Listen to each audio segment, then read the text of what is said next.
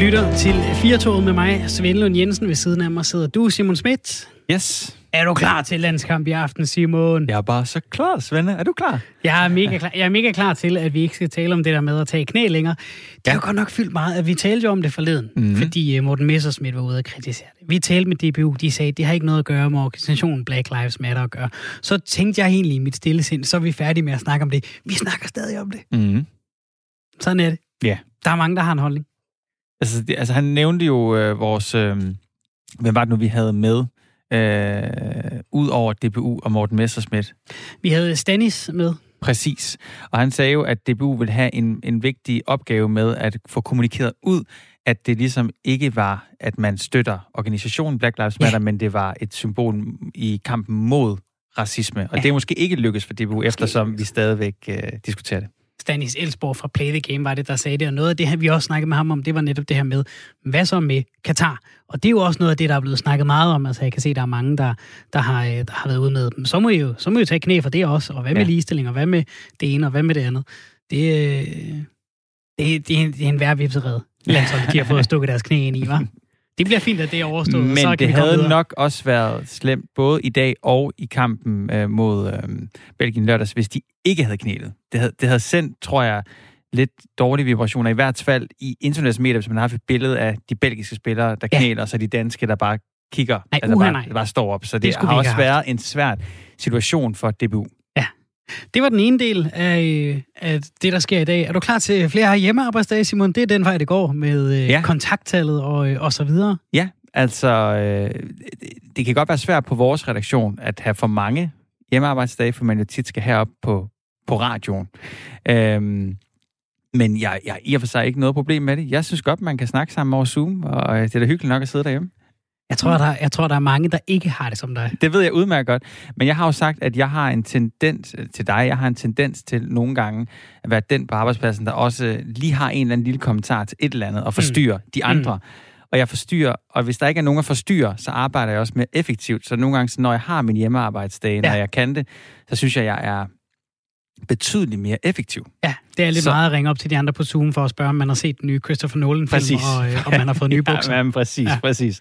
Så, så, så det er egentlig ikke så... Men jeg, jeg er fuld... Altså, jeg står øh, også i min, i min egen omgangskreds med familiemedlemmer, er også lidt, tror jeg, alene med den, at jeg egentlig mm. synes, hjemmearbejdsdag er helt fint. Og det er jo ikke for øh, på nogen måde at tage for let på det hele, at øh, jeg øh, sidder og snakker om hjemmearbejds- hjemmearbejdsdag med glimt i øjet, fordi øh, nu kan vi se, at kontakttallet det er oppe på 1,5, det vil sige, hver der har corona i Danmark lige nu smitter halvanden, og det er jo altså, det er over den grænse, vi gerne vil ligge på. Vi vil gerne ned og ligge på under 1, sådan så at øh, virusen ikke breder sig, øh, men i stedet øh, ikke får mere, øh, sådan, så den lige pludselig rammer ud over, hvem der, hvem der har det i forvejen. Nej, og, og man kan sige, at der, der er også en helt en, en færre anledning i forhold til selvfølgelig, at overborgmester Frank Jensen er ude og opfordre til, at, mm. Mm. øh, at folk skulle sende øh, ansat hjem i det omfang, det er muligt. Og Vi kommer også til at tale om øh, corona senere i programmet. Det er simpelthen bare fordi, Simon, når der sker noget ubehageligt i mit liv, så håndterer jeg det bedst øh, ved at prøve at grine af det på en eller anden måde. Ja. Og, øh, og, og jeg tror for manges vedkommende, så, så havde vi jo lidt en fornemmelse af i løbet af, af sommeren. Jeg kan huske sidst i juni, tænkte jeg,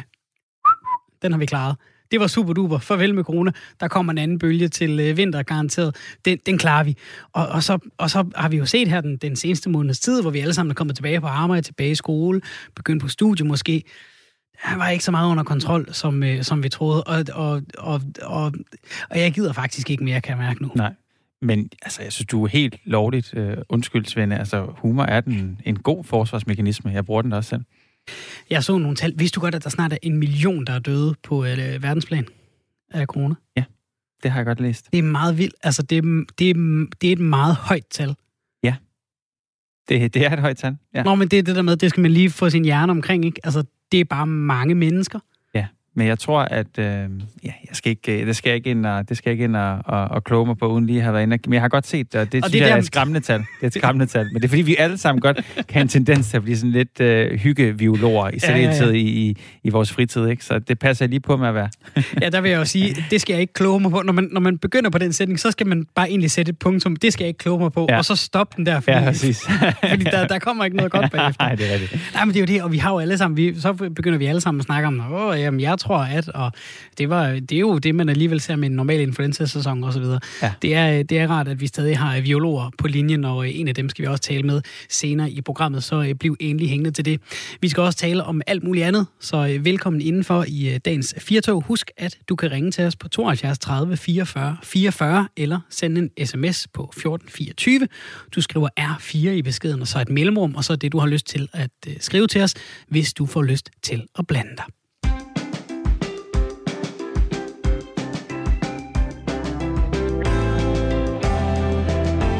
I en artikel i Berlingske, der kan man læse, at flere unge kvinder, de søger kosmetisk kirurgi. Marie-Louise von Sperling, der er plastikkirurg, udtaler til Berlingske, at de unge kvinder vil have et, citat, Instagram-look. Citat slut. De unge kvinder vil gerne have et redigeret look, altså ligne et billede med filter. Velkommen til vores næste gæst, Anna Bjerre. Du er psykolog og direktør hos Girl Talk, der rådgiver unge piger og kvinder øh, mellem 15 og 25 år. Velkommen til. Tak. Er du bekymret, når du hører flere unge kvinder søger kosmetisk kirurgi med begrundelsen om, at de gerne vil have et Instagram-look?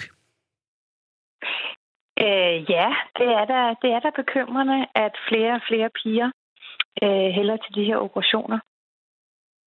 Er det problemet, at de kigger mod øh, operationerne, eller, øh, eller er det et problem med begrundelsen? Altså er det bare, øh, hvad kan man sige, ja. er det alle os kedelige voksne, der, der, der bliver fortørnet over at høre Instagram og kirurgi i samme sætning? Eller, eller du ved, for øh, 50 år siden, så var det Marilyn Monroe, der var grunden til, at man måske ville hindre noget ved sig selv. At det er ikke så vigtigt, hvorfor det er mere, at det unge piger gør det og har lyst til det, der er problemet?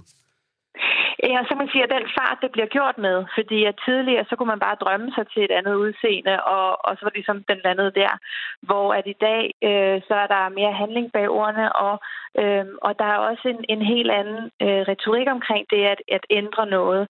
Øh, så, så for mig handler det i virkeligheden ikke så meget om operationen som sådan. Altså, der kan være alle mulige gode begrundelser til, at, at det kan være en, en, en en mulighed og en idé. Men for mig handler det mere om den øh, diskurs, det tapper ind i. Altså, vi i forvejen har med unge piger at gøre, som øh, på mange områder er usikre, og, øh, og hele denne her øh, naturlige usikkerhedsperiode bliver for mange piger også øh, så bliver det muligt for dem at, at handle på det. Men i virkeligheden, så tror jeg bare, at, at vi løser et problem, som eksisterer et helt andet sted. Hvor eksisterer det problem hen? Jamen, jeg tror, at for mange af de her piger, så den utilfredshed, den, øh, den stammer af, af forskellige ting. Det kan være naturligt at være usikker, når man er ung, og det behøver man altså ikke blive, øh, altså ændre sit udseende øh, på grund af. Øh, det kan også være øh, mindre værd, som bliver enormt forstærket. Det kan være... Øh, at, at idealer har sat nogle, nogle næsten krav op for, hvordan man skal se ud. Så man kan sige, at det ikke det ikke efterlader en mulighed for de unge piger, men mere bliver, bliver formuleret som et næsten krav, at hvis du er utilfreds med noget, så skal du bare ændre det. Hvor jeg tror, at nogle af de her piger, øh, som ændrer noget, at i virkeligheden, så vil jeg egentlig gerne slå et slag for, at man også øh, kæmper for at acceptere sig selv, sådan som man ser ud, mere end at skulle lave det hele om. Hvordan gør man det? Ja, det tror jeg er øh, et, et virkelig godt spørgsmål. Øhm, blandt andet så handler det om, at vi også tapper lidt mere ind i, at det faktisk er okay, at vi ikke er øh, ved gåsøjne perfekte. At det er okay, at vi ser ud, som vi gør. At det er okay, at vi er forskellige. At vi ikke behøver at ligne hinanden alle sammen. Øh, jeg tror også, man gør det ved, at vi som samfund også gør plads til, at det er okay, at vi ikke ser ud på en bestemt måde. Så der er både noget på et individuelt plan, og så på et mere sådan, samfundsmæssigt plan. Og du er jo psykolog og direktør hos uh, Girl Talk, som vi nævnte i starten, og I uh, rådgiver unge og kvinder mellem uh, unge piger og kvinder mellem 15 og 25 år. Uh, oplever I sådan generelt, at unge piger og kvinder er utilfredse med uh, deres udseende? Ja, i høj grad. Vi oplever, at, at mange piger øh, har mindre værtskomplekser, og, øh, og også, at der er sådan, for mange er der sådan en tro på, at hvis, hvis jeg så anderledes ud, så vil jeg klare mig bedre. Og de to ting øh, er jo risikable at sætte sammen. At, at hvis, øh, hvis jeg havde større bryster, så vil jeg få en sødere kæreste. Øh, hvis min, øh, mit ansigt eller min læber så anderledes ud, så vil jeg klare mig bedre til eksamen. Og det er jo ikke sådan, at de tror det sådan på den måde, at, at sådan er det, men de har en overbevisning om, at hvis deres udseende var anderledes, så vil de have nogle bedre kort på hånden. Ved vi noget om, hvad den udvikling skyldes? Altså, er det noget nyt, eller er det bare nyt, vi hører om det? Hvor, hvor, kommer, hvor kommer det fra, det her fænomen? Jeg tror, der er, er flere ting i spil. For det første, så kan man sige, at den eksponering, vi står overfor i forhold til vores smartphones og sociale medier, øh, den, den påvirker os måske mere, end vi tror. Øh, da jeg var ung, så, så så jeg jo ikke i samme grad. Jeg blev ikke konfronteret med de, med de idealerne på samme måde, som man gør i dag. Så der er ingen tvivl om, at der selvfølgelig er noget, der forstærker øh, forstærker det i, i forhold til sociale medier. Øhm, og så tror jeg også, at vi læner os op af en kultur, hvor individet er ekstremt meget i fokus, og også sådan individet øh, overfor et lykkebegreb. Det vil sige, at der er nogle, nogle lidt andre krav og forventninger, både til, til os, altså på den måde, vi, vi er på, altså et krav om, at vi skal være lykkelige, vi skal være succesfulde, og vi vil gå meget langt for at få fat i opskriften til det der perfekte liv. Er det, hvad kan man sige, er det vendt indad eller vendt ud af det her ønske om at, at, at have det perfekte liv? Altså er det, så man også kan vise det frem selv, og, og, og, og det her med at få kirurgi, altså se godt ud for andre, eller, eller peger det mere indad øh, og, og finde noget, noget ro i sig selv og noget, noget øh, tilfredshed med det, man ser i spejlet? Jeg tror langt de fleste, de gerne vil øh, slutte fred med sig selv. Øhm, og jeg oplever det, når jeg har unge piger, der siger til mig, at jeg er bare ikke så glad, som jeg troede, jeg skulle være. Altså den her forventning om, at, at det gode liv, det venter lige om hjørnet, og man bliver så slemt skuffet, når man finder ud af, at, at der er faktisk ikke så meget, der, altså, tingene ændrer sig ikke, fordi at vi får lavet en, en plastikoperation. Altså, det bliver vi ikke lykkeligere af. Det kan godt være, at der er noget, som vi umiddelbart bliver mere tilfredse med. Men sådan den der dybe tilfredshed med, med vores livssituation, den kan vi altså ikke den kan vi ikke skrue på ved at få større bryster. Og jeg tror også, det er der, vi skal huske på, at der er jo mange forskellige øh, motivationer for at få lavet kirurgi. Vi kan ikke proppe alle ned i samme boks. Så det er jo naturligvis ikke alle, der forventer det her. Men, men jeg kan bare se en tendens til, at, at de unge piger, som jeg taler med, som jo er piger, der har brug for et sted at læse deres tanker og følelser af, at der er der den her quick fix tilgang til, at hvis jeg bare så anderledes ud, så vil mit liv også være bedre. Ja, lidt i forlængelse af, hvad du siger, så er det jo klart, at der kan være forskellige motivationer for, hvorfor man vælger at få øh, kosmetisk øh, kirurgi. Men, men kan der for nogle af dem, som måske har noget øh, lavt selvværd eller bakser med andre ting, kan der være noget godt ved at modtage kosmetisk kirurgi? Jeg hælder til, at det bedste ville være, at vi ikke behøvede en operation for at acceptere, hvordan vi ser ud. Tusind tak til dig, Anna Bjerre, direktør og øh, psykolog hos øh, Girl Talk, der, udgiver, der rådgiver unge kvinder og øh, piger mellem øh, 15 og 25 år. Man kan øh, gå ind på girltalk.dk. I har en øh, chat, den er åben i dag fra 18.30 til 22.30. Øh, og det er jo altså en god idé, hvis man kender en, en, en pige i den alder, som, øh, som går og bøvler lidt, måske lige prikke dem på skulderen og, og minde om, at det altså også findes. Det her. Tak for det, Anna Bjerre. Jamen selv tak. I er altid velkommen. Tak. tak. Og vi øh, foretager sig lidt med, øh, med det her emne, og øh, så øh, kan vi prøve at tage fat i den øh, store stykke ulv. Nej, det er de ikke. Helle Hillingsø, velkommen til. Du er administrerende direktør på øh, Privatklinikken for Plastikkirurgi AK Nygaard. Ja, tak. Oplever I hos jeres klinikker en stigning i unge kvinder, som gerne vil have lavet kosmetisk kirurgi?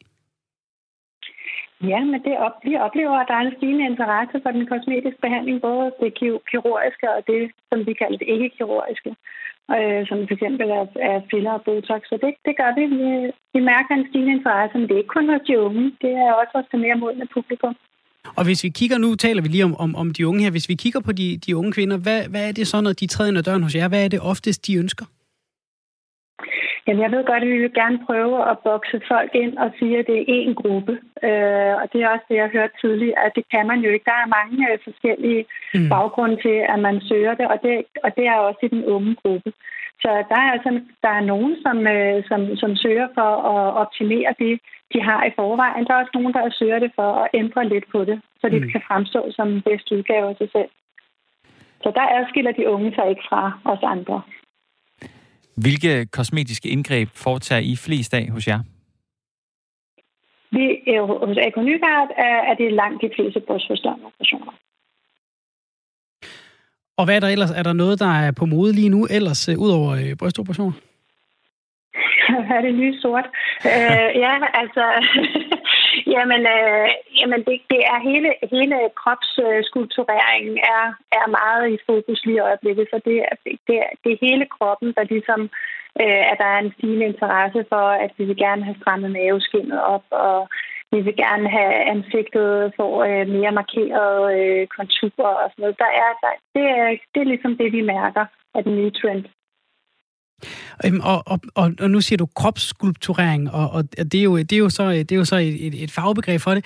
Altså, jeg, jeg kan ikke lade være med at tænke på hele healing, så især når vi taler, nu taler vi om, om de unge, og jeg skal jo ikke gøre mig til dommer over, hverken hvad, hvad unge kvinder har lyst til at, at få lavet, fordi det er deres kroppe, dem skal de selv bestemme over. Øh, og jeg vil heller ikke bestemme, hvad, hvad, hvad I gør, fordi I, I har en forretning, og det bestemmer I helt selv. Men, men, men er det ikke, hvad kan man sige, kan der ikke være noget farligt ved at gå ind og, og, og skulpturere en krop, når, når, når pigerne og kvinderne er så unge, som de er. Og det er det samme som med tatoveringer, ikke? Måske vent lige til et par år til og, og, og få den lavet, til du er helt sikker på, at du gerne vil, øh, vil have den.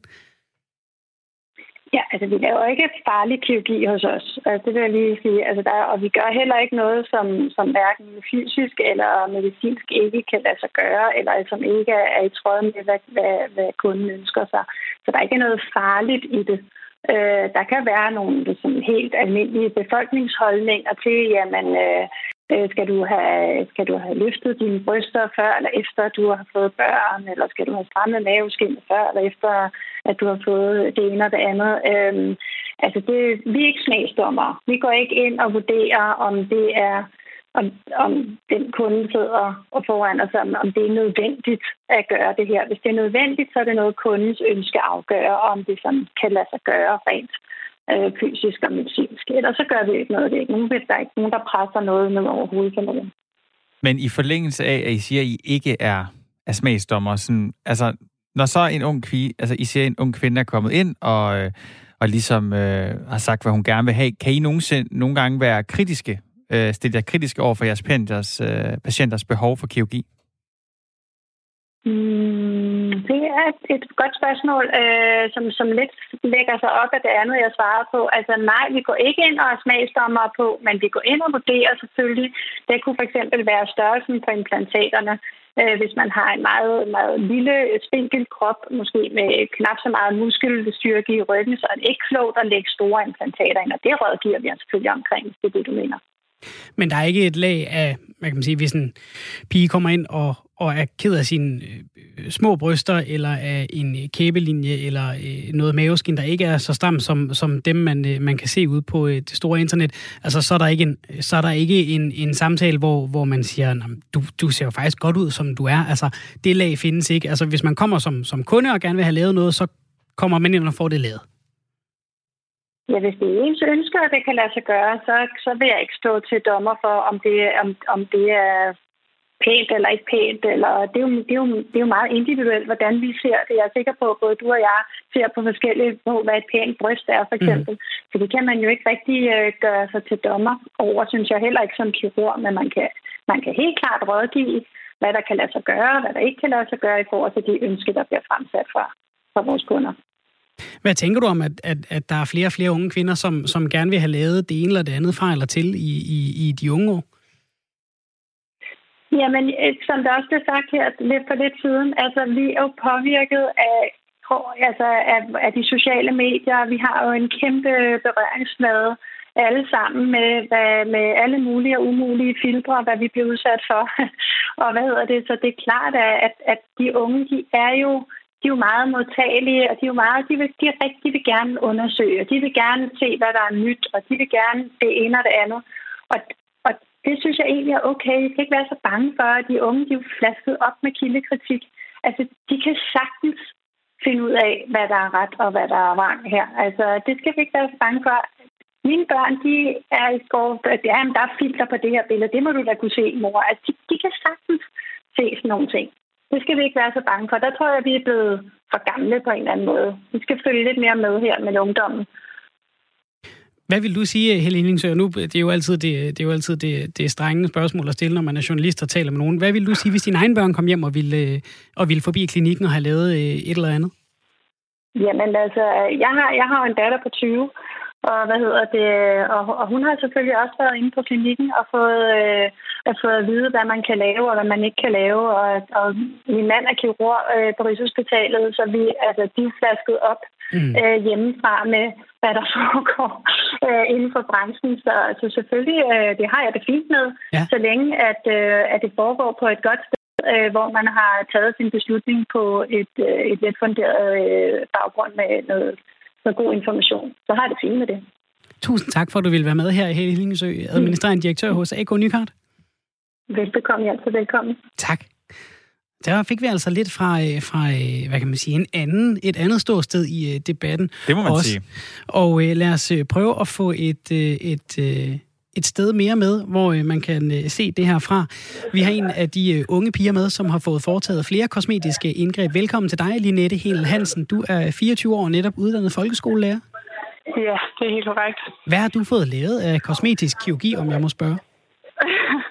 øhm, jeg har fået lavet bryster, brystforstørrende operation. Ja. Øhm, Botox i bekymringsrynken og fællers i læberne. Og du er 24, og, og du har allerede en bekymringsrynke, mm. som du bekymrer dig om? ja, jeg tror, den ligger lidt i familien. Den har vi sgu alle tre. Og, øh, og, og hvorfor har du haft behov for at, at få lavet de her øh, kosmetiske indgreb? Øhm, jeg tror, altså, også så det nok været brysterne, der var mit største problem, siden jeg sådan lidt var ung. Ja. Øhm, fordi jeg spillede håndbold og styrketrænede og løb en masse, så mit fedt, det satte sig ikke rigtigt. Nej. Øhm, og så begynder man ligesom at styrke, og så kommer musklerne, men, men det her fedtdepot ved brysterne, det, det kommer ikke. Øhm, så for mig så handlede det om ubehag, og øh, ja, en følelse af, at, at det ikke helt passede sammen. Med mig i hvert fald. Mm. Øhm, ja, det er nok der, den er startet, og så har den rynk der bare lidt kommet med årene. Øhm, som bare fyldt lidt. Og hvornår... Det har egentlig været nemt ting at løse. Ja, og hvornår begynder ja. du ligesom at, at, at, at krystallisere tanken om, det her, det gør jeg noget ved, når, når, når det kan lade sig gøre en dag? Øh, jeg har jo snakket meget med min familie om det. Øh, særligt min mor har spillet en rigtig stor rolle i det. Øh, snakket med hende om de tanker, jeg har haft om det, og de refleksioner, jeg har gjort i forhold til, hvad kan man gøre, og hvad kan man ikke gøre. Øhm, og jeg tror, at dengang jeg får det lavet, det er jo ved at være fem år siden, der var det meget tabubelagt at få mm. lavet bryster. Øhm, men, men den familie, jeg kommer fra, der er, det, der, der er det meget, at vi skal snakke om tingene, og vi skal finde ud af, om det er det, der skal til, for at jeg har det godt i min egen krop. Øh, om det kan påvirke min egen følelse. Øhm, det er egentlig det, tror jeg, det er kommet af. Mm. Men jeg kunne godt tænke mig at ja. høre, hvad, hvad siger dine forældre da du præsenterer for dem, at du gerne vil have lavet de her indgreb? Øh, jamen, jeg siger det faktisk allerede. Jeg tror allerede, jeg er i gang som 14-årig med at nævne det. Og hvad siger øh, de så? Ja, min mor, hun er meget sådan, skat, det kommer. Øh, p-piller, det kan også få noget fedtdepoter til at hobe sig lidt op. Øh, at jeg skal give det noget tid. Øh, og det kommer jo ældre jeg bliver, tror jeg, er den, øh, det svar, jeg hele tiden får. Øh, og det tror jeg faktisk også, at, at jeg til dels lægger mig til rette med, at, at det må jeg jo så vente med at se, om det så kommer, som alle siger til mig. Øhm, det gør det så bare ikke. Øhm, og så nævner jeg det så igen, og jeg har faktisk også min mor med ind til operationen. Øh, som egentlig bare er min støtte og klippe i alt, hvad jeg gør, inklusiv brystforstørrelse og botox og fillers. Mm. Øhm, ja, der har aldrig været noget negativt fra hendes side. Øh, kun at, at det skulle være en ordentlig gennemtænkt beslutning, jeg tog. Kan du prøve at sætte nogle ord på, øh, Linette, hvad det så har betydet for dig nu, at du har fået, fået gjort noget ved de her ting, du gerne ville have, have gjort noget ved? Øh, ja, altså jeg tror, jeg er blevet mere selvsikker i min egen krop. Jeg har fået lidt mere ro øh, og blevet glad for at se mig selv i spejlbilledet. Det har da også påvirket mig psykisk og mentalt. Øh, at mit eget selvbillede og selvværd, den her selvtillid, man skal have i det her samfund, den er helt klart blevet større hos mig. Øhm, jeg tror, det er meget det, det faktisk har påvirket. Det er nok mest været brysterne, der har, der har fyldt mest, fordi det har været der i så mange år. Øhm, og så tror jeg bare, at rynken, det har bare gjort, at, at det her, når jeg tager billeder eller er sammen med veninder, så sidder jeg ikke og tænker over, at jeg ikke må rynke på panden, fordi så bliver den bare mere tydelig. Mm. Øhm, så jeg tror egentlig bare, at det er sådan, det hænger sammen for mig i hvert fald. Men kan du forstå, at nogen vil problematisere, at flere og flere unge kvinder gerne vil have foretaget kirurgisk indgreb? Øh, jeg kan godt se problematikken i, at, at der er meget, vi ser på Instagram, og øh, at folk bruger filter og øh, flere lag op til at skjule de her små skønhedspletter. Øh, men jeg tror, som der også blev sagt tidligere, at unge er bevidste om, at der er filter på, og man ikke bare ser sådan ud af ingenting. Øh, jeg tror, at de ældre er nødt til at prøve at følge med og prøve at sætte sig i de unge sted. Øhm, og så prøve at sætte sig ned og få en dialog om, hvad, hvad det er for nogle overvejelser, hvad det er for nogle refleksioner, de har. Om de egentlig tænker over det, eller om de bare ser Mathilde Gøler på Instagram og tænker, wow, hun er bare flot, som det også ser ud. Mm. Øhm, det handler også om at vide, hvad det er, kirurgi kan gøre, og hvad det er, det ikke kan gøre. Øhm, ja. Og, og føler du, altså, er du, øh, hvad kan man sige, er du i gang stadigvæk med en proces og, og ændre øh, små ting hele tiden? Altså, føler du, at du kommer tættere og tættere på Mathilde Gøler, eller sådan, du ved, idealudseendet, ikke? Altså der, hvor du tænker, nu, nu, er, nu, nu, nu kan jeg ikke, altså nu kan jeg ikke rette på mere. Nu er det lige, som det skal Nej. være.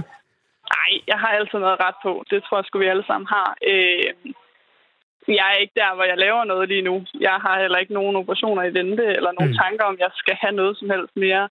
Øh, for mig så er det meget vigtigt, at det har været naturligt, og man ikke kan se det på mig.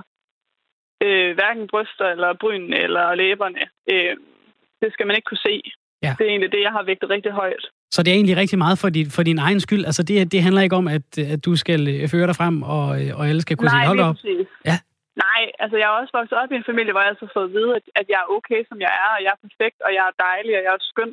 Så jeg har ikke haft noget behov for at skulle ud og være noget, jeg ikke er. Øh, og det der perfektionistiske syn, som mange tror, unge har på sig selv, det, det tror jeg sgu ikke på. Øh, sådan har jeg det i hvert fald ikke selv. Øh, det har ikke handlet om, at jeg skulle gøre noget for nogen andre end mig selv. Mm. Øh, og det har altid handlet om min egen følelse i kroppen, og ikke om, at der bliver lagt noget pres på mig fra nogen andre sider af. Og det er også noget, du, du er meget åben omkring det her, du har fået lavet øh, adskillige indgreb. Mm. Altså, hvordan, hvordan og hvorfor har du valgt at være det? Øhm, jeg tror faktisk, det kommer af, at det har været så tabubelagt, at jeg har været meget sådan, det skal det bare ikke være. Det skal bare være okay, at jeg har taget den beslutning, jeg har taget, og det skal respekteres. Øhm, og jeg synes, at folk, der ser ned på det, eller som har en masse fordomme om det, de skal have en, ja, en lusning tilbage. Øhm, fordi folk gør det af forskellige årsager. Folk har deres egen grunde, og mm. det er man nødt til at respektere. Øhm, så jeg synes også, at det handler om at være et forgangsbillede for unge piger, om at det ikke er noget, der skal tabubelægges, og det er noget, vi gerne vil snakke højt og tydeligt om, og dele vores refleksioner i forhold til de tanker, vi har gjort os. Har... Øhm, det er helt sikkert derfor, jeg prøver at gå frem med det. Har du oplevet som en, der står frem med det og er ærlig omkring de indgreb, du har fået foretaget? Har du oplevet, altså har du mødt mange, mange fordomme? Øh, ja, det har jeg. Jeg tror, jeg er blevet kaldt Barbie. Øh, piger i byen, der råber og skriger, at jeg har også bare silikonebryster, og det er kun derfor, fyrene vil have mig. Og øh, altså, ja, nogle gange så bliver jeg helt mundlam af ting, der kan blive råbt og skrevet, eller mine veninder, som også lige skal nævne det øh, i åben forum, hvor jeg har det lidt sådan, det er min ting, det er ikke din. Mm. Øh, Tager du så en diskussion? Om, ja, det gør jeg med glæde. øh, ja, altså det, det handler for mig om, at, at jeg, jeg synes, det er rigtig fint, at jeg er åben om det, men det er mit valg, hvor åben jeg vil være. Mm. Øh, det er ikke noget, andre skal gå og kommentere eller fortælle andre. Det, det er mit, og det er mit valg, og det er min krop. Øh, ja, og hvis ja. folk har en fordom, så må de jo gerne have den. Så de kommer hen og snakke med mig og blive be- eller afkræftet i det. Det lyder som en, øh, en, en fin holdning at have til dig. Tusind tak for, at du også ville være åben og, tale med os om det her, Linette Hel Hansen. Så håber jeg, at uh, dine elever bliver søde og uh, stille og rolige, så den der bekymringsrygge, den holder sig uh, lidt i ro. ja, må håbe. Tak for det. Hej. Jamen selv tak. Hej. Det var fint at høre fra, fra en, der sådan har prøvet det på egen krop til sidst, og ligesom siger, ved du hvad, det har jeg gjort for, det har jeg gjort for min egen skyld, og ikke for alle mulige andre. Mm. Og så hvis folk vil sige et eller andet, så kan de blive sat på plads. Det ja. fint. Ja, hun var øh, overraskende ærlig. Ja. ja. Det synes jeg, det, det er modigt, uanset hvad man mener om det. Så synes jeg, det er meget modigt at være så ærlig om sådan et emne. Og så er det jo måske meget fint lige at, at, at trække en lille snor tilbage, og hvis du ikke har nået at høre hele programmet, så øh, kan du finde det via øh, Radio 4's hjemmeside eller vores øh, podcast-app. Vi talte med Anne Bjerre, som er en direktør psykolog hos Girl Talk, som talte lidt om det her bekymrende i. Altså, det var det lidt det, vi prøvede både med, med Helene Hillingsø og, øh, og med, øh, med, med Linette her til sidst, at prøve at, at, at, at trykke dem lidt på maven og lige, jamen, oh, kan det ikke også godt være et problem? Og det mente Anne altså, at det kunne Anne Bjerre øh, ja. fra, fra Girl Talk, fordi der er rigtig mange piger, som øh, kommer i en situation, hvor de har det rigtig skidt med sig selv. Altså mm. ikke som, som Linette har det fint med sig selv, men godt bare lige for sin egen skyld ved at have lavet noget. Men, men, men har, har, går har det dårligt, går og, og bøvler og bakser op i uh, sit eget hoved med den måde, man ser ud på, og den måde, man tror, andre ser en på. Og det er altså det derfor, at det, øh, det er lidt vigtigt at tale om. Og så har vi ligesom fået, fået i hvert fald hørt fra, fra tre forskellige steder i, i den debat. Og det, vi må i hvert fald sige, det er nok en god idé at tale om sådan noget. Altså prøve at tage hul på nogle af de der samtaler ja. derhjemme, ikke?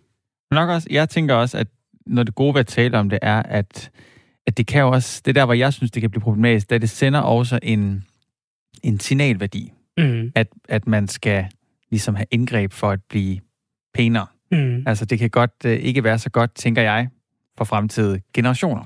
Ja, jamen igen, ja. fordi hvad, hvad, hvad, er så, hvad, er så, hvad er det så pænt er, ikke? Altså, hvordan vurderer vi det? Hvad, hvem, hvem skal bestemme, hvad, hvad det er, man skal have lavet noget for at ligne, ikke? Nu har jeg har en datter på et år, og jeg tænker enormt meget over, hvordan kommer hun til at have det, når hun vokser op om, ja. om nogle år, hvor hurtigt begynder hun at tænke over sådan nogle ting.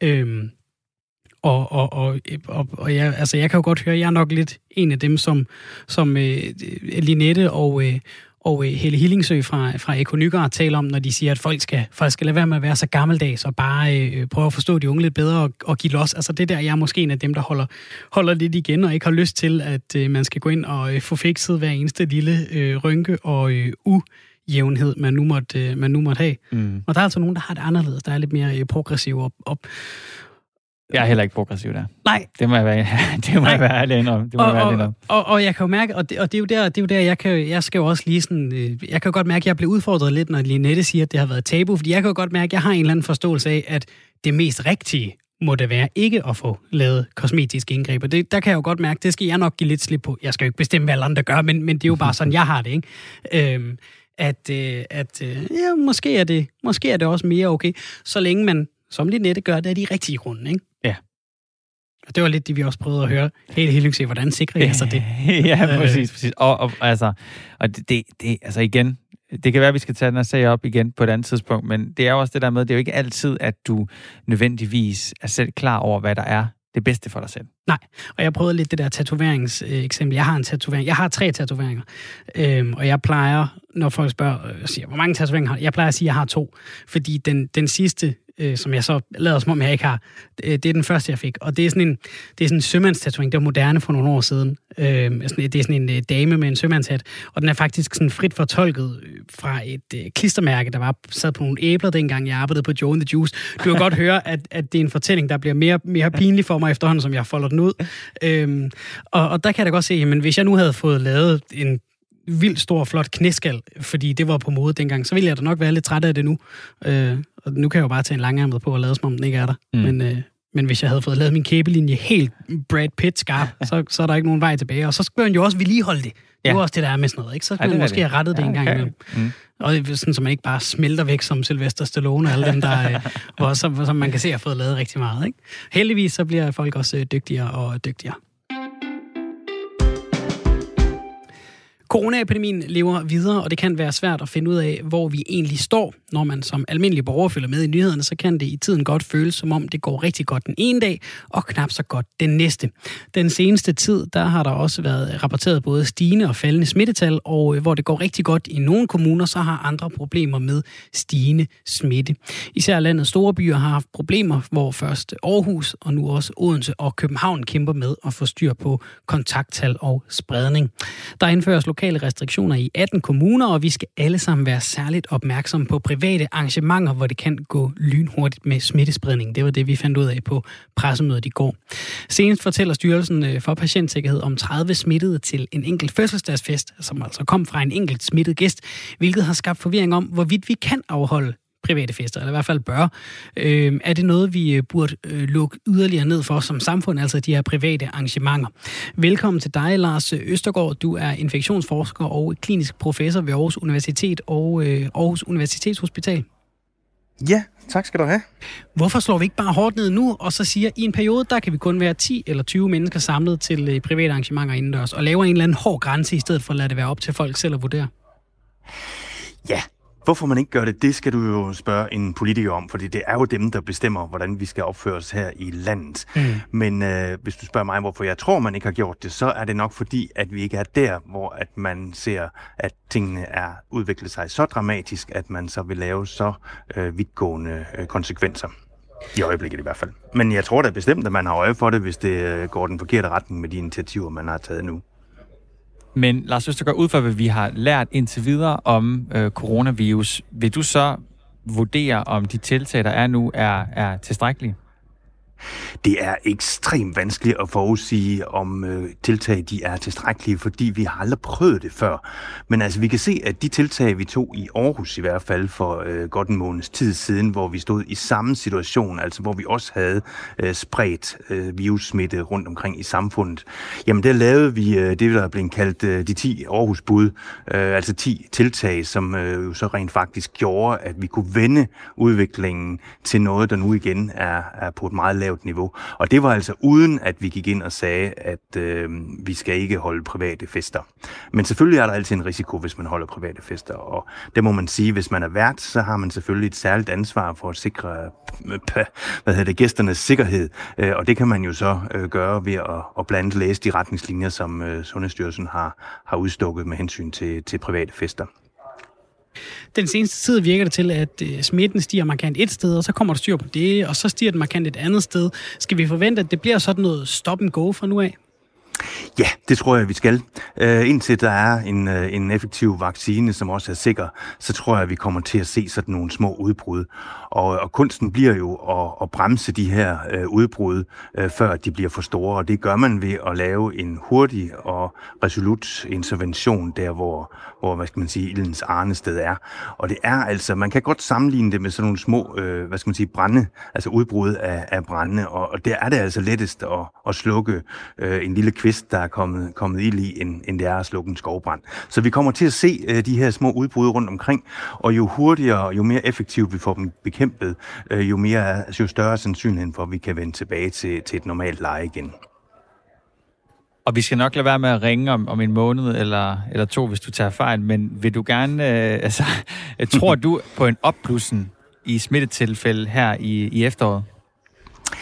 Ja, altså helt generelt, så er det jo sådan, at jo øh, tættere vi er sammen, øh, og det er vi jo typisk i vinter- og efterårsmånederne, så er der øh, risikoen for at, at blive smittet, og smittespredning, den er, den er bare større. Så det vil jeg forvente, at øh, vil komme til at ske. Så jeg tror, vi kommer til at se flere af, af de her udbrud, og så øh, ned, altså reaktioner på dem, initiativer, øh, som vi skal overholde, og så får vi forhåbentlig bugt med det igen, så, øh, så det kommer ned til normal leje igen. Og så kan man jo slippe slippe restriktionerne igen. Hvis man nu står over for at skulle holde en fest i den øh, nærmeste fremtid og er i tvivl om, om man skal aflyse, hvad vil dit så råd så være? Jamen, øh, først og fremmest så vil jeg gå ind og finde Sundhedsstyrelsens øh, råd med hensyn til afholdelse af private fester, og den ved jeg er ved at blive opdateret, så der kommer måske snart en ny version, men man kan sagtens bruge den, der allerede er. Øhm, så vil jeg sørge for at sikre øh, godt med håndsprit til gæsterne. Jeg vil sørge for, at hvis man har buffet, så køber man måske nogle af de her tankhandsker, øh, de her handsker, man kan finde på, på tanken, de her engangs øh, plastik nogen, mm. øh, som gæsterne kan tage på, mens de, mens de tager øh, buffeten, øh, og, øh, og simpelthen øh, Øh, sørge for, at der er god afstand også. Og så skal man som gæst lade være at møde op, hvis man føler sig syg og sløj. Så kunne man måske også overveje, hvis øh, der til den her fest øh, også kommer nogen, der kunne være sårbare eller måske ældre, at øh, man rent faktisk lod sig øh, teste inden festen. Øh, der er jo rimelig god testmulighed i øjeblikket i Danmark. Hvad tænker du, øh, Lars Østergaard? Nu er du infektionsforsker og klinisk øh, professor. Vi ser altså de her opblusninger, og jeg kan ikke lade være med bare som, som menigmand og, og blive en lille smule irriteret, fordi det er jo meningen, at vi alle sammen skal gå og passe på. Altså, hvad, hvad tænker du, når du ser sådan noget? Er det, er det bare sådan, den her virus opfører sig, og, og, og, og vi mennesker er fejlbarlige, også os danskere, og, og kommer til at slikke, og, og kommer til øh, at, at være smittet, uden vi ved det, og så øh, gør, som vi plejer, men så er vi bare uheldige og, og smitte nogle andre. Altså, kan du blive sur, når du ser kontakttallet stiger, eller, eller er det bare sådan, det, det lige er lige nu for os alle sammen? Nej, sur det bliver jeg i hvert fald ikke. Faktisk så synes jeg, at Danmark og danskerne har klaret det øh, rigtig godt i forhold til, hvad vi har set i, i mange andre lande. Øhm, og vi kommer til at se det her øh, fremadrettet, fordi det er ikke en naturlig øh, væremåde for, for folk at, at holde de her restriktioner. Så det er helt naturligt, at man også falder i en, en gang imellem. Og når der, så længe der er et virus, og så længe der er personer, som er modtagelige for virus, og dem er der stadigvæk mange af i, i Danmark, så vil vi kunne se små udbrud, der kommer. Kunsten bliver at holde øje med, hvor de er, og så hurtigt som muligt sætte ind og få dem bremset, sådan at vi ikke risikerer en situation, hvor tingene kommer ud af kontrol. Så man kan sige, at mange af de ting, der bliver gjort nu, er jo ikke fordi, at de her smittetal i sig selv er problematisk, eller at der er mange indlagt på hospitalerne eller på intensivafdelingen. Det er simpelthen for at undgå, at det ikke breder sig yderligere, øh, og det så kommer ud af kontrol, og så øh, går galt.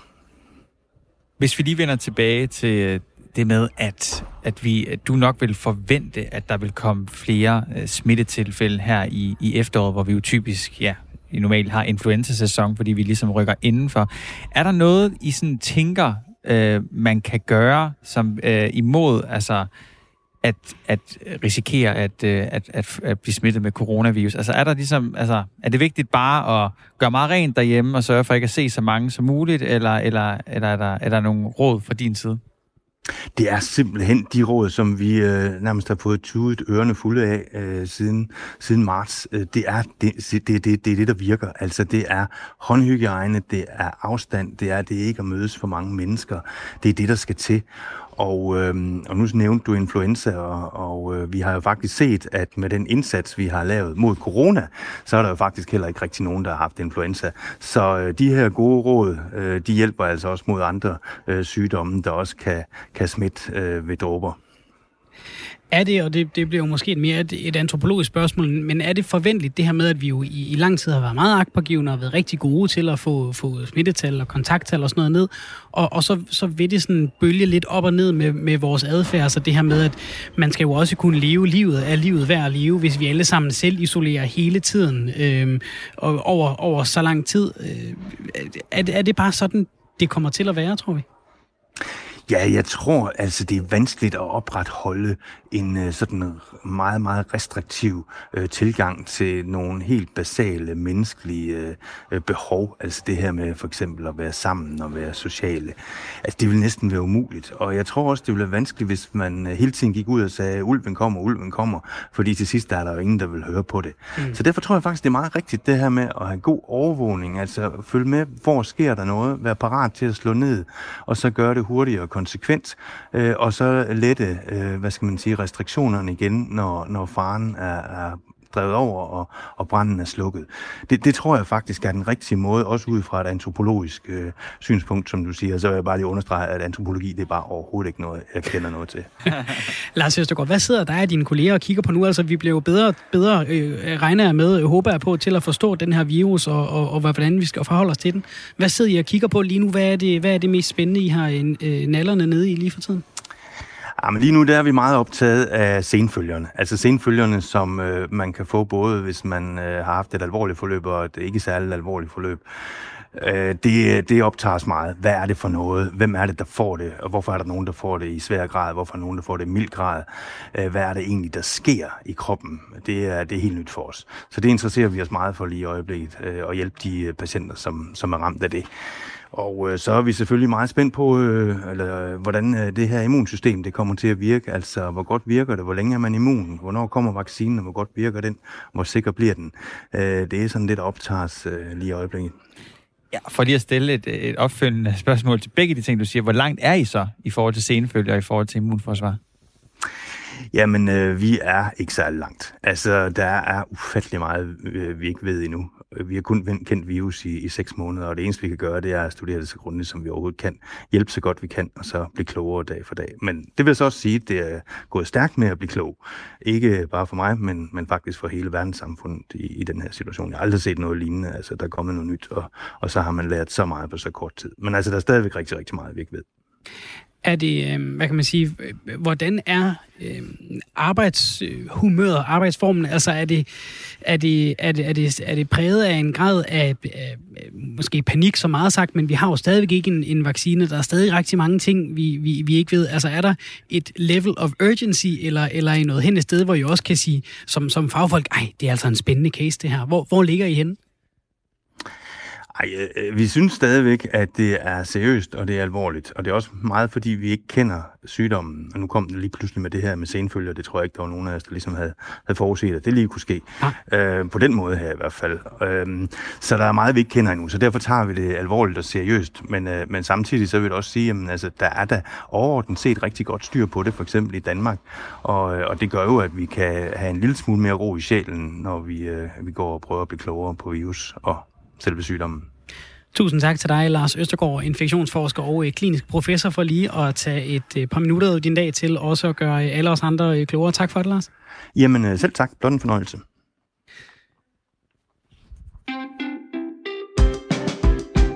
Det var, det var fint lige at høre fra, fra Lars Østergaard. Godt at høre, at, at man jo med den brede pensel er, er ved at have bedre styr på det. Selvom ja. det går lidt op og ned, ikke? Ja, så vi prøver at sætte ind tidligere, ja. end, øh, end sådan, vi ikke hele tiden... Der er jo den her famøse corona-dans, som øh, Peter Sendbæk jo snakkede om ja, sidst, han var med i vores program, fordi vi jo hele tiden er de her 10-14 dage mm. i snit øh, bagud. Mm. Og, øh, og, og også meget, meget øh, spændende er jo så igen, måske det forkerte ord, men det her med senfølgerne, ikke? Altså, det er altså lidt, det er, jeg synes, det er lidt uhyggeligt, ikke? Mm. At, at, det ved vi altså ikke ret meget om endnu. Og øh, øh, hvor, altså, hvor, hvor, hvor lang en dans det bliver, ikke? og hvor, hvor hård en dans det bliver for nogen øh, med, den der, øh, med den der corona. Fordi så kan vi sagtens snakke om øh, 18 kommuner og hjemmearbejdspladser og sådan noget, men, men for den enkelte, ikke? Altså, når man læser nogle af de der eksempler med, med folk, som er blevet smittet i marts, så simpelthen bare, altså, nærmest har mistet evnen til at, til at have en almindelig hverdag, fordi de er ramt af svimmelhed. Og, ja, til og fra arbejde, ja. Ja, ja. Mm. Det er jo helt forfærdeligt at, at høre. Det, det er jo igen en hvis man ikke tog det alvorligt øh, inden da, så, øh, så prøv lige at finde en af de der Helle har haft corona-artikler og, og se, hvordan øh, folk bøvler med det, fordi det er altså ikke bare en, en almindelig influenza, man, øh, man kommer forbi på et, øh, på, på et par uger. I hvert fald ikke for nogen. Der, øh, der hænger den og, øh, og, og dingler lidt øh, i efterfølgerne af det. Så, øh, så godt, at øh, der igen bliver, bliver kigget på det. Om et par dage, der øh, kommer der en øh, ny dokumentarfilm, Simon, og det plejer jo som regel at være dig, der har styr på øh, filmstoffet her i programmet. Ja. Øhm, jeg ved ikke, om du har nået at se nogle øh, klip fra, øh, fra den her nu. Det er en dokumentar om Osama Bin Laden, og øh, den har en lidt anden vinkel, end øh, den man typisk hører om den øh, afdøde terrorist, fordi øh, den fokuserer nemlig på den samling porno, der blev beslaglagt fra hans øh, opholdssted. Det er National Geographic, der bringer dokumentaren, som øh, undersøger en overraskende drejning omkring den her pornosamling, fordi kunne den være blevet brugt til at sende kodebeskeder frem for til lystbehov. Altså han har haft en rimelig omfattende samling porno, øh, og det harmonerer måske ikke så godt med, med hellig krig, kan man sige. Har der så været en eller anden anden grund til, at han øh, Øh, han havde det. Pornosamlingen den røg for første gang frem i offentlighedens søgelys i 2011 og blev altså kaldt rimelig omfangsrig af Reuters, der først berettede om den, og vi fik jo også at vide, hvad var det for noget musik, han lå ind med. Vi, det var også, jeg tror, det var med, med Gaddafi og Bashar al-Assad, så har man også ligesom fundet ud af, hvad er det, de går og lytter til. Det er jo altid et, et spændende kig ind i uh, ja. de her uh, mænds uh, inderste, hvad de egentlig går og beskæftiger sig med. Altså, jeg har da egentlig også, altså, jeg har også noget at tænke, uh, både fordi der eksisterer en, en, en vis grad af tvivl om, hvorvidt det er Bin Ladens egen lager, altså, uh, altså om det er hans egen porno, fordi der er åbenbart også, også andre, der har brugt de her computer. Der var jo mange mennesker, der boede i det her, i det her hus. Jeg, jeg, jeg har da også noget at tænke. Øhm, hvis man nu gerne ville prøve at tage brøden af en gut som Osama Bin Laden, ikke? som en martyr skikkelse. Ja. Vil man så ikke netop altså, få lavet en dokumentar? Altså nu, nu, ja, nu det, vi, det, det, konspira- det er konspirationsteorien, ikke? Jeg tror du skulle et andet sted hen. Okay. Nej, nej, der ja. var ikke nogen seriøs pointe nej, øh, nej. I, i den her snak nej. om Osama Bin Laden og porno, øh, hvor, hvor, hvor, hvor gerne jeg end ville, at, øh, at der kom en alvorlig pointe. Jeg tænker bare, hvis man nu gerne ville miskreditere ham, ikke? Ja. så er det da helt klart sådan noget, man vil fokusere på mere end alt muligt andet. Mm, fordi det ligesom ikke harmonerer med hellig krig. Ja, det er jo, det, og nu, nu er jeg jo hverken øh, godt nok nede i porno eller hellig krig til at vide, om de to ting i virkeligheden harmonerer øh, godt eller dårligt. Men jeg kunne da godt forestille mig, at, øh, at, øh, at det måske ikke er det, man... Hvis man nu var en, der støttede Osama Bin Laden, at det var så var det, man ville have, han, hans eftermæle blev forbundet med. Det er ikke godt for, ja, hvis han skal være martyr. Men altså, jeg vil sige, at det harmonerer jo meget godt i forhold til at skulle gemme sig så meget og være nede i bunker. Altså, at man skal have tiden til at gå. Ja, det er rigtigt. Ja, det var det første, jeg tænkte. Da, det var det første, da, du tænkte? Da vi, da vi snakkede om det på redaktionsmødet i dag. Ja. Ja, det var, at øh, han, skal have, han skulle have tiden til at gå med noget. Om vil man så ikke hellere, du ved, øh, give sig i kast med far til fire øh, film, eller altså vil man ikke ligesom have et eller andet, som var sådan lidt mere... Ja, når men bare noget, som ligesom, hvor man, kan, hvor man kan sætte det på og se det i halvanden time ad gangen, eller måske binge en hel serie eller et eller andet. Ja, man kunne nok nå begge ting. Men det, er, men, det, men det er måske også, fordi mit eget forhold til porno, det er ikke sådan noget, jeg sætter mig ned og ser i lang tid ad gangen. Nej, nej. Altså på den måde. Det er fordi, så, så, så god er handlingen typisk ikke. det er jo ikke noget, man gider at se i lang tid. Nej, jeg, altså, jeg, altså, jeg, jeg, jeg er meget spændt på, hvad den her dokumentar når frem til. Det er jo, som sagt, som du selv sagde lige før, National Geographic, der står bag den her.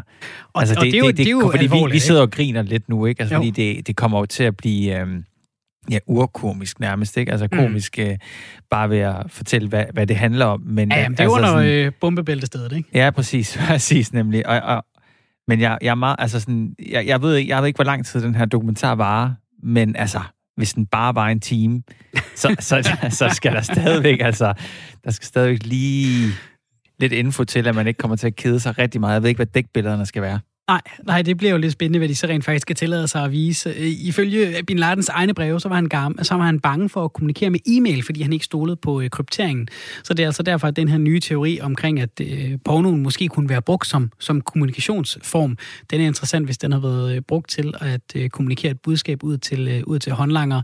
Det er jo et Daily Beast, der har en lang artikel om den her øh, kommende dokumentar. Vi ved ikke, hvornår den kommer på dansk tv, men det er i år morgen på National Geographic kl. 8. Amerikansk dansk tid, altså østkysttid, at den, øh, den kommer. Så det er sådan øh, timers forskel øh, her og, øh, og der. Øh, det er jo... Det er jo øh, og, og nu kan vi jo så tænke de her tankeeksperimenter et, et skridt videre ud, Simon. Det er jo en, en spændende tanke at lege med, hvis Bin Laden havde brugt porno til at kommunikere med, fordi det åbner jo en helt ny ladeport for radikalisering af unge mænd og kvinder over hele verden. Fordi hvad nu hvis hans private samling, som rummede alle mulige kodede beskeder, blev lagt ud til frit skue, som man så bare kunne indtage lige så snart man fik øh, en internetopkobling og lås på sin, øh, på sin værelsesdør. Og så kunne man ellers bare sidde og blive radikaliseret øh, ved, at øh, pizzabudet kom for lige at aflevere en pizza. Det er en, en, en spændende tanke, og så må, så må vi jo se, om, øh, om, om den berører det bare en, en lille bitte smule, den her, den her jeg dokumentar. Jeg Jacob Scheik skriver en bog om det her. ja, også. præcis, præcis. Vi må lige sende en, et lille tip. Men, øhm, men ja, det, det, er, det, det, det, er, det, er, det er nok noget af det skøreste. Jamen, jeg skulle lige til at sige, det er jo sådan en skør, skør verdenhistorie, ikke? Ja. Og om der så er noget på den eller ej, så, så, så er det noget, der er svært at scrolle forbi. Ja når man sidder og kigger på sådan en internetmedie. Ikke? Ny øh, dokumentarfilm om Osama Bin Ladens pornovenner. Kunne der være skjulte budskaber? Øh, jeg har ikke hørt om nogen, øh, som du selv sagde, så går jeg relativt meget op i, i, i, i film og, og tv, og jeg har ikke hørt nogen snakke om det, også det ikke danske eksperter eller nogen sites. Øh, Nej, og vi så, så, heller ikke. Men det her. håber jeg, at... Fordi jeg synes da, at nu er jeg meget interesseret i altså at høre, enten se den, eller høre en, eller læse eller høre eller se en anmeldelse. Fordi hvad i alverden, hvordan kan man lave en dokumentar om det Det er jeg meget, meget, meget interesseret i.